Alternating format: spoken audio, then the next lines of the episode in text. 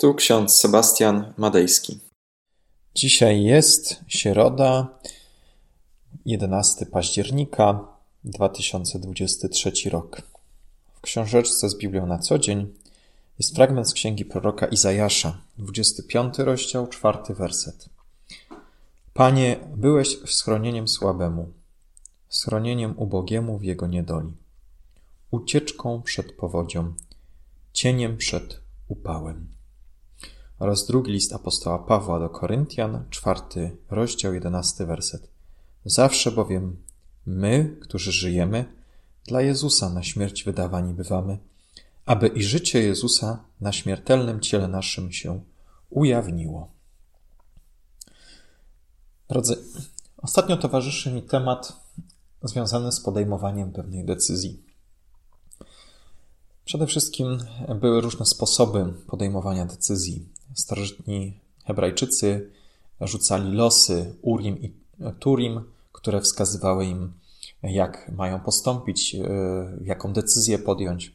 Starożytni Rzymianie rzucali monetą, e, aby podjąć jakąś decyzję.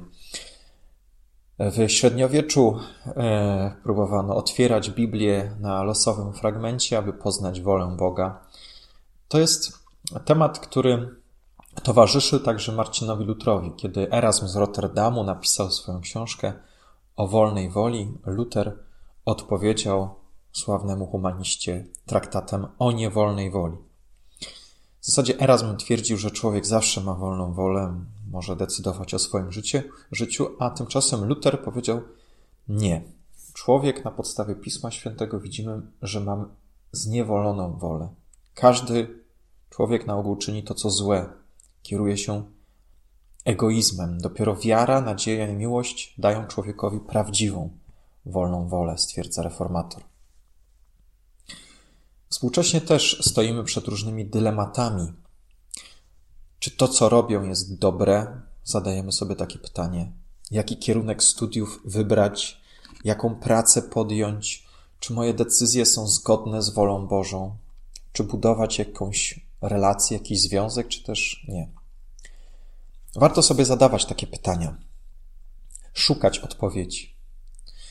Czy w tej nowej rzeczywistości, kiedy podejmiemy decyzję o niej, czy może wydarzyć się coś złego dla naszych bliskich?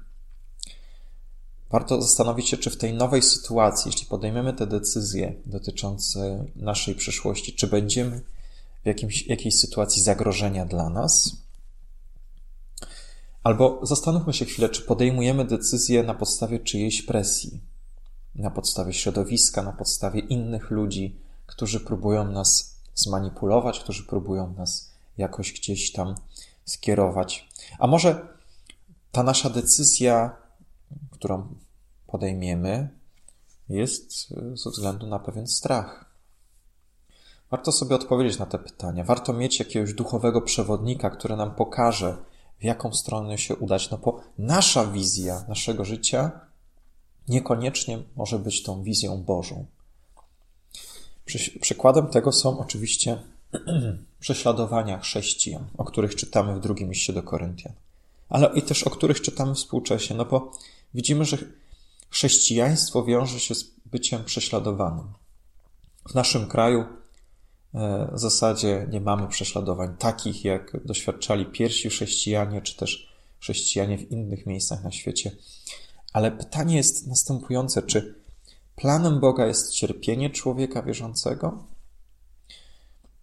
Bóg zostawia nam zawsze przestrzeń do decyzji, do podejmowania słusznych decyzji zgodnych z Jego słowem.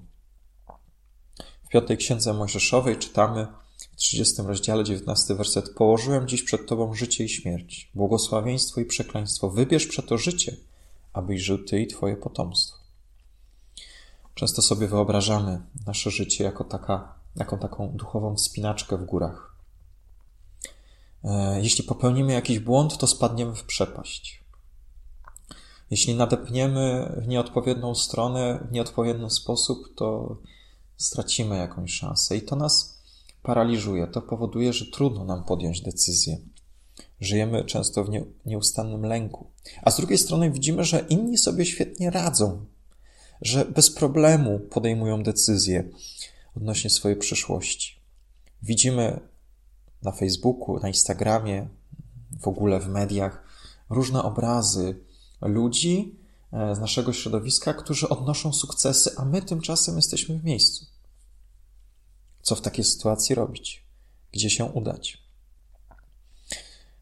Warto zastanowić się nad, nad tym tematem, że Chrystus jest naszą ucieczką, jest naszym schronieniem.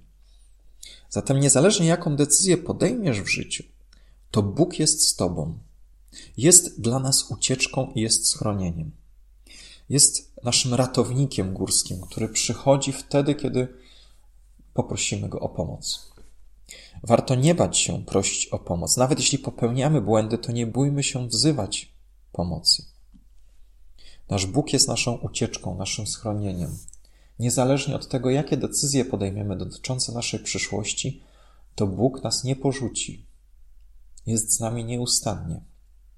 Nawet jeśli jakieś drzwi w naszym życiu są zamknięte, albo jakieś drzwi zostały przed nami zamknięte, to Bóg otwiera przed nami inne możliwości. To nigdy nie jest tak, że nas zostawia samych w podejmowaniu decyzji. Nawet jeśli mamy w naszym życiu trudną decyzję do podjęcia, to Bóg nieustannie przy nas jest, wspiera nas, jest naszym schronieniem, ucieczką i cieniem przed upałem. Amen. Pomódlmy się. Panie, jesteś szczególnie bliski wszystkim upokorzonym, rozdartym, niepocieszonym, opuszczonym ludziom. Boże, który pocieszasz, ufamy Tobie. Pobłogosław nas dzisiaj i kieruj naszymi ścieżkami, kieruj naszymi decyzjami, aby nie działa się w naszym życiu nasza wola, ale Twoja wola, Boże. Amen.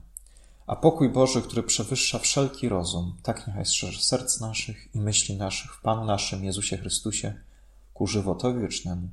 Amen.